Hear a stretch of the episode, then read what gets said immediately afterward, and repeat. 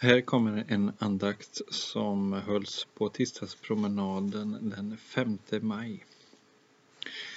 Egentligen ända sedan påskens firande och inte minst skärtorsdagens texter så har jag berörts djupt av hur Jesus ser på Petrus. När Petrus förnekar Jesus den tredje gången så vänder sig Jesus om. Ingenting sägs om hans ansiktsuttryck.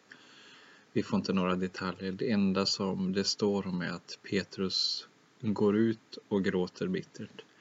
Det finns någonting där när Petrus möter sanningen och som jag också tror och i min egen bön när jag ser Jesu ansikte så är det ett nådens ansikte.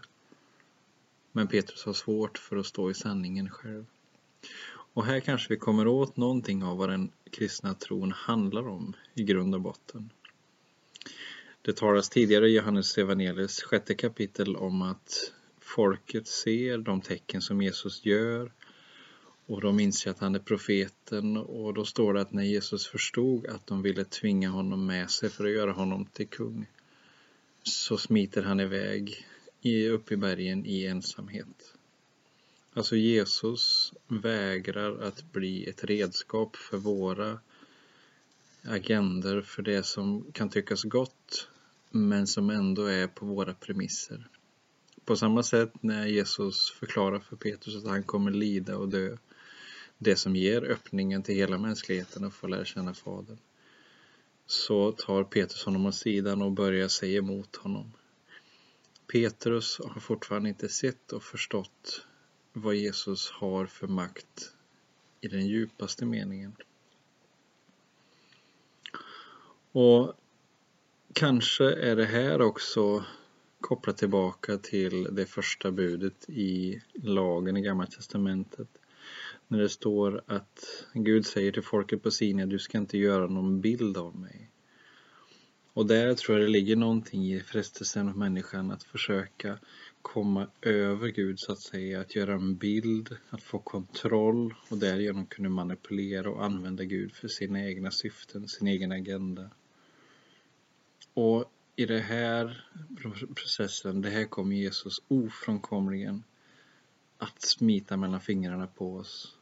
För den typen av tro, den typen av religion, den typen av relation till honom kommer göra våld på vem han är och faktiskt också oss själva. Istället så är det vårt eget begär, vår egen tröst efter trygghet eller liknande som där vi skissar upp våra egna premisser istället för att låta honom, han som är sanningen, han som är full av nåd och sanning, att låta honom få möta oss, trösta oss och leda oss in i det eviga liv som han har skapat oss till. Så när Petrus möter Jesu blick där på borggården så är det sin egen smärta han möter sin eget misslyckande av att han har förnekat honom. Han har försökt att få Jesus på sina premisser.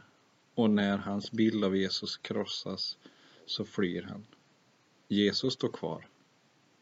Och inte bara står kvar, han möter honom sen senare på stranden. Han lyfter tillbaka Petrus när Petrus har liksom skrivit ut sig själv ifrån uppdraget. Det står att äh, jag ger mig ut och fiskar. Han har sett den uppståndne, han tror på den uppståndne, han vet att han finns. Men sin egen roll har han diskvalificerat sig själv från att finnas kvar. Men Jesus står kvar vid Petrus kallelse och han möter honom där på stranden och upprättar honom.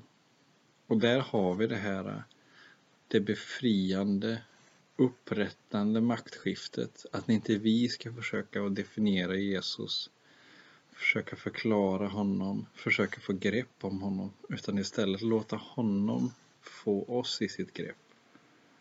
Att låta honom få definiera oss, och låta honom få befria oss. Han som inte sparar någonting av sig själv utan utgav sig helt. I det kan vi lita på honom och helt och fullt överlämna oss. Vi ber en bön. Herre Jesus Kristus, tack för att du i sanning uppenbara vem Fadern är och vad det mänskliga väsendet är. Tack för att inte du höll någonting tillbaka utan utgav dig själv helt och fullt för oss.